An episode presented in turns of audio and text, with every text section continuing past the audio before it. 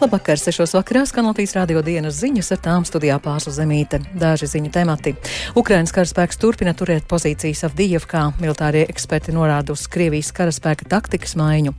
Notiek smagi slimu pacientu evakuācija no Al-Šifas slimnīcas Gazas joslā. Drošībā nogādāts 31 smagi slims zīdainis. Rīgas līdzdalības budžeta konkursā atbalstīti desmit projekti.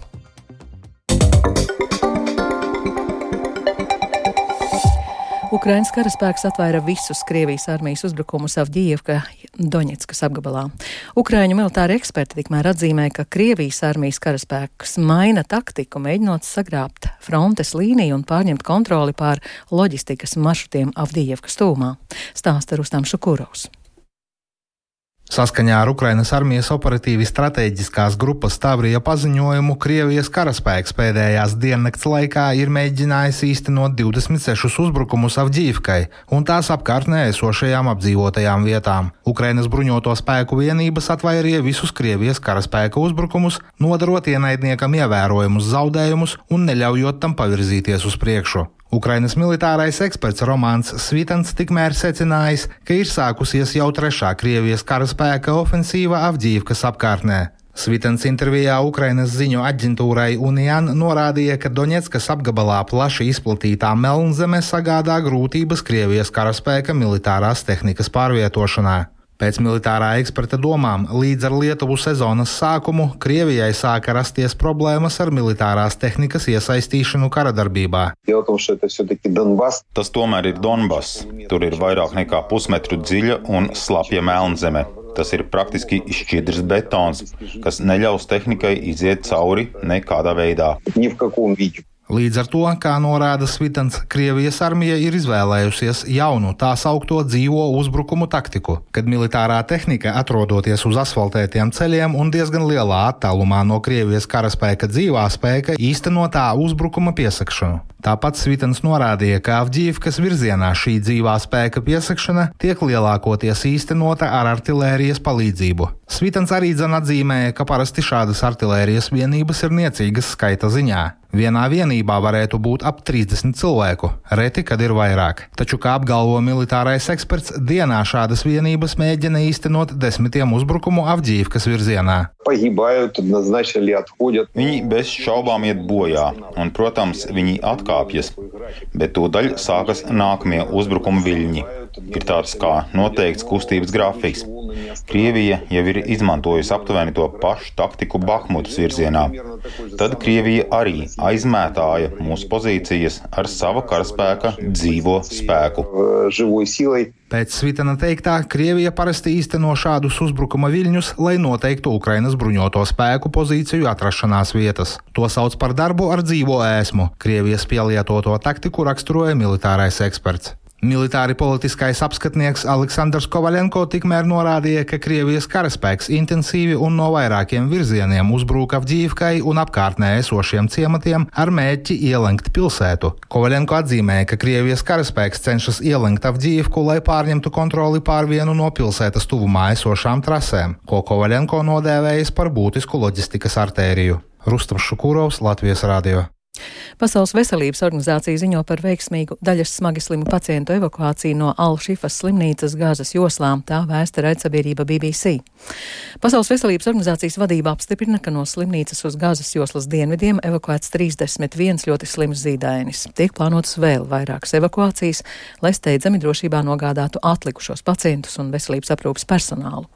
Iepriekš Pasaules veselības organizācija ziņoja par gandrīz 300 kritiski slimiem pacientiem, kas palikuši Alšifā, kuru pārņem Izraels militāra personas. Pasaules veselības organizācijas slimnīca nodēvējas par nāves zonu. Pieauga pārliecība, ka varētu tikt panākta Izraels un Hamās vienošanās par teroristu sagrābto ķīlnieku atbrīvošanu. Par to pavēstījis Kataras premjerministrs Muhamads bin Abel Rahmans Altanī. Par progresu ķīlnieku jautājumā pavēstījusi arī Baltā nama amatpersona.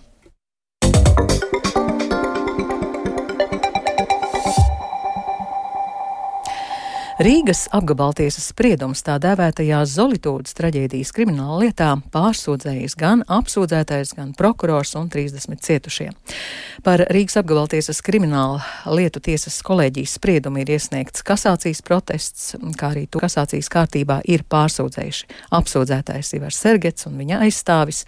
Tāpat apelācijas sūdzību iesniegusi apsūdzētās Marikas Trejas advokāte un cietušo pārstāvis vērināta advokāte. No 50 trīs personām, kas atzītas par cietušajām, iesniegtas 30 cietušo sūdzības. Stāsta Agnija Lazdiņa.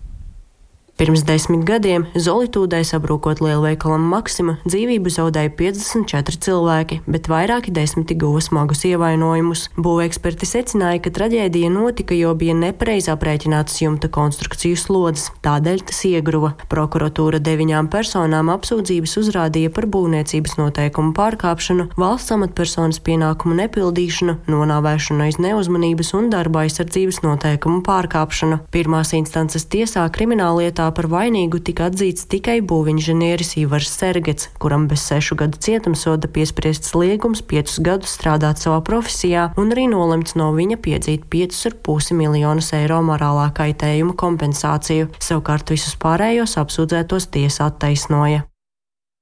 Un pat laba lieta ir nosūtīta augstākajai tiesai, pašlaik kasācijas tiesvedība vēl nav ierosināta un izskatīšanas datums nav zināms. Rīgas līdzdalības budžeta konkursā atbalstītas desmit rīznieku iesniegtas apkaimju attīstības ieceres, kuras tuvāko divu gadu laikā īstenos Rīgas domes teritorijas labiekārtošanas pārvalde. Šādu konkursu rīkoja jau piekto reizi, un kā tas pagājuši šogad, Agnijas Lazdiņas ieraksts. Līdzdalības budžets ir iespēja Rīgas iedzīvotājiem lemt par to, kā izmantot daļu no pilsētas budžeta, gan pašiem iesniedzot savas apkaimes attīstības ieceres, gan balsojot par tām, kuras pašvaldībai īstenot. Šogad līdzdalības budžeta finansējums bija 700 tūkstoši eiro, un katras ieceres īstenošanai maksimāli pieejami 70 tūkstoši eiro. Katrs iedzīvotājs varēja nobalsot tikai vienu reizi un atbalstīt vienu projektu. Kopumā balsojumā piedalījās vairāk nekā 33 tūkstoši iedzīvotāji iedzīvotāji. Kā norāda Rīgas apkaimju iedzīvotāju centra pārstāvja Ilona Stalidzāne, pēc visvairāk nobalsotajiem projektiem var redzēt, ka tās ir lietas, kas iedzīvotājiem pietrūkst pilsētā. Šogad eh, mums eh, kopā tika iesniegti 38 projekti, no kuriem balsošanai tika nodoti 30 projekti, kas ir daudz. Nu, un cilvēkiem ir salīdzinoši grūti no tik daudziem projektiem izvēlēties eh, to vienu vienīgo, par ko nobalsot. Starp desmit atbalstītajiem projektiem ir tādi, kas paredz apkaimē bērnu rotaļu laukumu izveidi, sporta laukumu iekārtošanu, apgaismojumu izveidi, tirkus laukumu iekārtošanu un citi. Šis līdzdalības budžeta konkurss šobrīd ir instruments, kā savā apkaimē panākt to, ko iedzīvotāji paši vēlas. Tā uzsver Stalidzāne. Šie desmit projekti tiks nodoti īstenošanai teritorijas labiekārtošanas pārvaldei. Saskaņā ar mūsu pašu nolikumu divu gadu laikā šiem projektiem ir jābūt īstenotiem. Rudolfa Ciemiņa iesniegtais projekts Bolderājas Pumtrasa ir starp konkursa atbalstītajiem projektiem, par kuru nobalsoja 2379 iedzīvotāji. Kā stāsta Rudolfs, projekta iecerē radīt trasi jauniešiem, kas līdzīgi skateparkam radusies pavisam vienkārši. Bolderājā tādas vietas nesot. Tas īstenībā ir ļoti forši. Katra apkaime var realizēt vai tiksim, nākt ar savu ideju, kas varbūt nav Rīgas domas plānos vai nav Rīgas domas tuvākajos plānos, un uzlabot kaut ko savā apkaimē, kas ir svarīgs tieši viņiem. Arī jaunciem attīstības biedrības pārstāvis Santa Ruskula stāstot par savas biedrības iesniegto projektu bērnu rotaļu laukumu pupuķa līgzda, kas konkursā ieguva 2374 balsis, uzsver, ka apkaimē nav publiski pieejamu rotaļu laukumu, un lai jaunciemam piesaistītu ģimenes ar bērniem, tāda veida attīstība ir būtiska.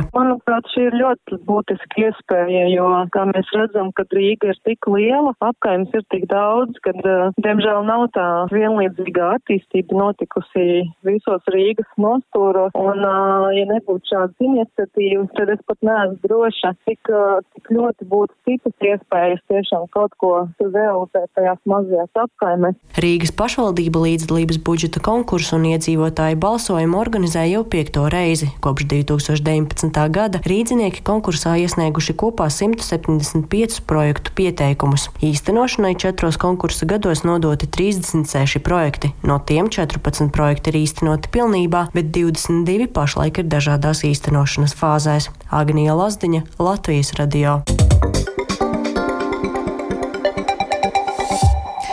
Un vēl par sportu. Latviešu sportistiem ne tas labākais vakars Ziemeļamerikas sporta laukumos. Un šodien arī saņemta sērvēsts. Vieglatlētika zaudējusi vienu no titulētākajām trenerēm Latvijā. Vairāk par aktualitātēm sportā stāsta Māris Bergs. Nacionālajā hokeja līgā šorīt kārtējais zaudējums Elvim Merzļikinam un Kolumbusas Bluežakets, kas ar 3-4 zaudēja Vašingtonas Capitals. Merzļikins Bluežakets vārtos atvairīja 22 no 26 pretinieku metieniem. Pēc spēles sarunā ar vietējiem žurnālistiem ļoti neapmierināts par pieļautajām kļūdām bija Bluežakets galvenais treneris Paskāls Vincents. Mēs izdarām ļoti daudz labu lietu, spēlējam pareizi, jā, pieļaujam kļūdas, bet arī otrs otra komanda kļūdās. Un tad mēs pieļaujam rūpjas kļūdas neīstajos brīžos, un tas mums maksā spēles un punktus. Tas sāk atkārtoties pārāk bieži. Ripas kontrole, mēģinām izdarīt pārāk daudz neīstajos brīžos, tā ir kopējā koncentrēšanās spēlē. Teodora Bļūgera pārstāvētā Vankūveras Canucks šorīt ar 3-4 zaudēja Sietlas Kraken. Bļūgeram 15 minūtes laukumā, viens metiens pa vārtiem, trīs spēka paņēmieni un arī negatīvs liederības koeficients mīnus 2, kas bija sliktākais Canucks komandā. Nacionālajā basketbola asociācijā Oklahoma City Thunder šorīt ar 130-123 pārspēja Golden State Warriors. Dāvis Bārtāns atkal palika uz Thunder soliņa un laukumā nedavās. Naktī uz pirmdienu uzvaru sēriju turpināt lūkos Bostonas Celtics, viņiem trijos naktī spēlējot pret Memphisas Grizzlies. Celtics uz maču ierodas ar piecu uzvaru sēriju, un Kristaps Porziņš panākumos paslavē arī komandas galveno treneri Džo Mazulu.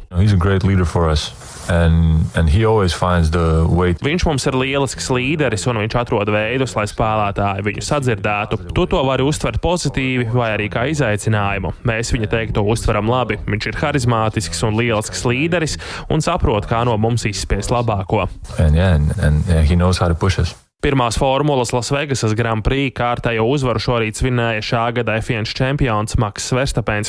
Sacīkšu gaitā līderi mainījās vairāk kārt un posms kopumā izvērtās gan aizraujoši. Finišu kā otrais sasniedza Ferrari pilots Šārls Leklērs, kurš pēdējā aplī tomēr paspēja tik garām Sergio Peresam, Meksikānim finišējot trešajam. F1 sezona noslēgsies jau pēc nedēļas, kad sacīkstes risināsies Jasmarina trasē Abu Dabī. Pasaules kausa otrajā posmā Bobs bobslajā četrniekiem Emīla Cipuļa ekipāža otro dienu pēc kārtas ierindojās ceturtajā vietā, savukārt Jēkabs Kalenda otrajā braucienā nenosargāja pirmajā braucienā izcīnīto piekto vietu un divu braucienu summā Kalenda atkrita uz devīto vietu. Otrā uzvara pēc kārtas vācietim Johannesam Lohneram ar saviem stūmējiem, bet nedaudz pārsteidzoši dalītu otro vietu kopā ar Francesco Friedrihu izcīnīja Itālis Patriks Baumgartners. Pasaules kausa sezona bobslējistiem turpināsies decembrī novembra sākumā ar sacensībām Laplaņas trasē Francijā. Ziņu noslēgumā arī sēru vēsts. 86 gadu vecumā mūžībā devusies panākumiem bagātās čāpmešanas trenere Valentīna Eiduka. Viņas audzēkņi sasnieguši lielākos panākumus Latvijas jaunāko laiku čāpmešanā. Viņas trenētie Vadims Vasiljevskis un Ainārs Kovals attiecīgi 2004. un 2008. gadā izcīnīja Olimpisko spēļu sudraba godalgas, bet Eiduka karjeras gaitā trenējusi daudzus Latvijas vadošos šķēpmetējus.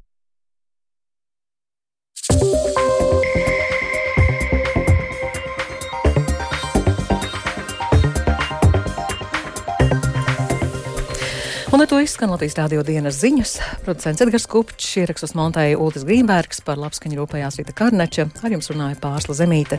Īsumā svarīgākais - notiek smagi slimu pacientu evakuācija no Alšīfas slimnīcas gazas joslām, drošībā nogādāts 31 zīdainis, un Ukrainas karaspēks atvaira visus Krievijas armijas uzbrukumus ap Tījevkai. Militāri eksperti norāda uz Krievijas karaspēka taktikas maiņu.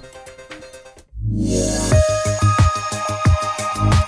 Latvijas vides geoloģijas un meteoroloģijas centrs informē Rīgā pat labam mīnus 1 grāds, dienvidaustrum vējš 3 m2, gaisa spiediens 765 mm, gaisa relatīvais mitrums 71%. Latvijā gaidāms mākoņains, dažviet skaidrosies, vietām neliels sniegs, slapjš sniegs, atsevišķos posmos ceļi slīdeni, naktī vietām austrumos veidosies mīgla, austrumu dienvidaustrumu vējš 2,7 m2, gaisa temperatūra naktī mīnus 2, mīnus 6, vietām piekrastē 0, mīnus 2, dienā mīnus 2, plus 2 grādi. Laika tips - rīt otrais - labvēlīgs.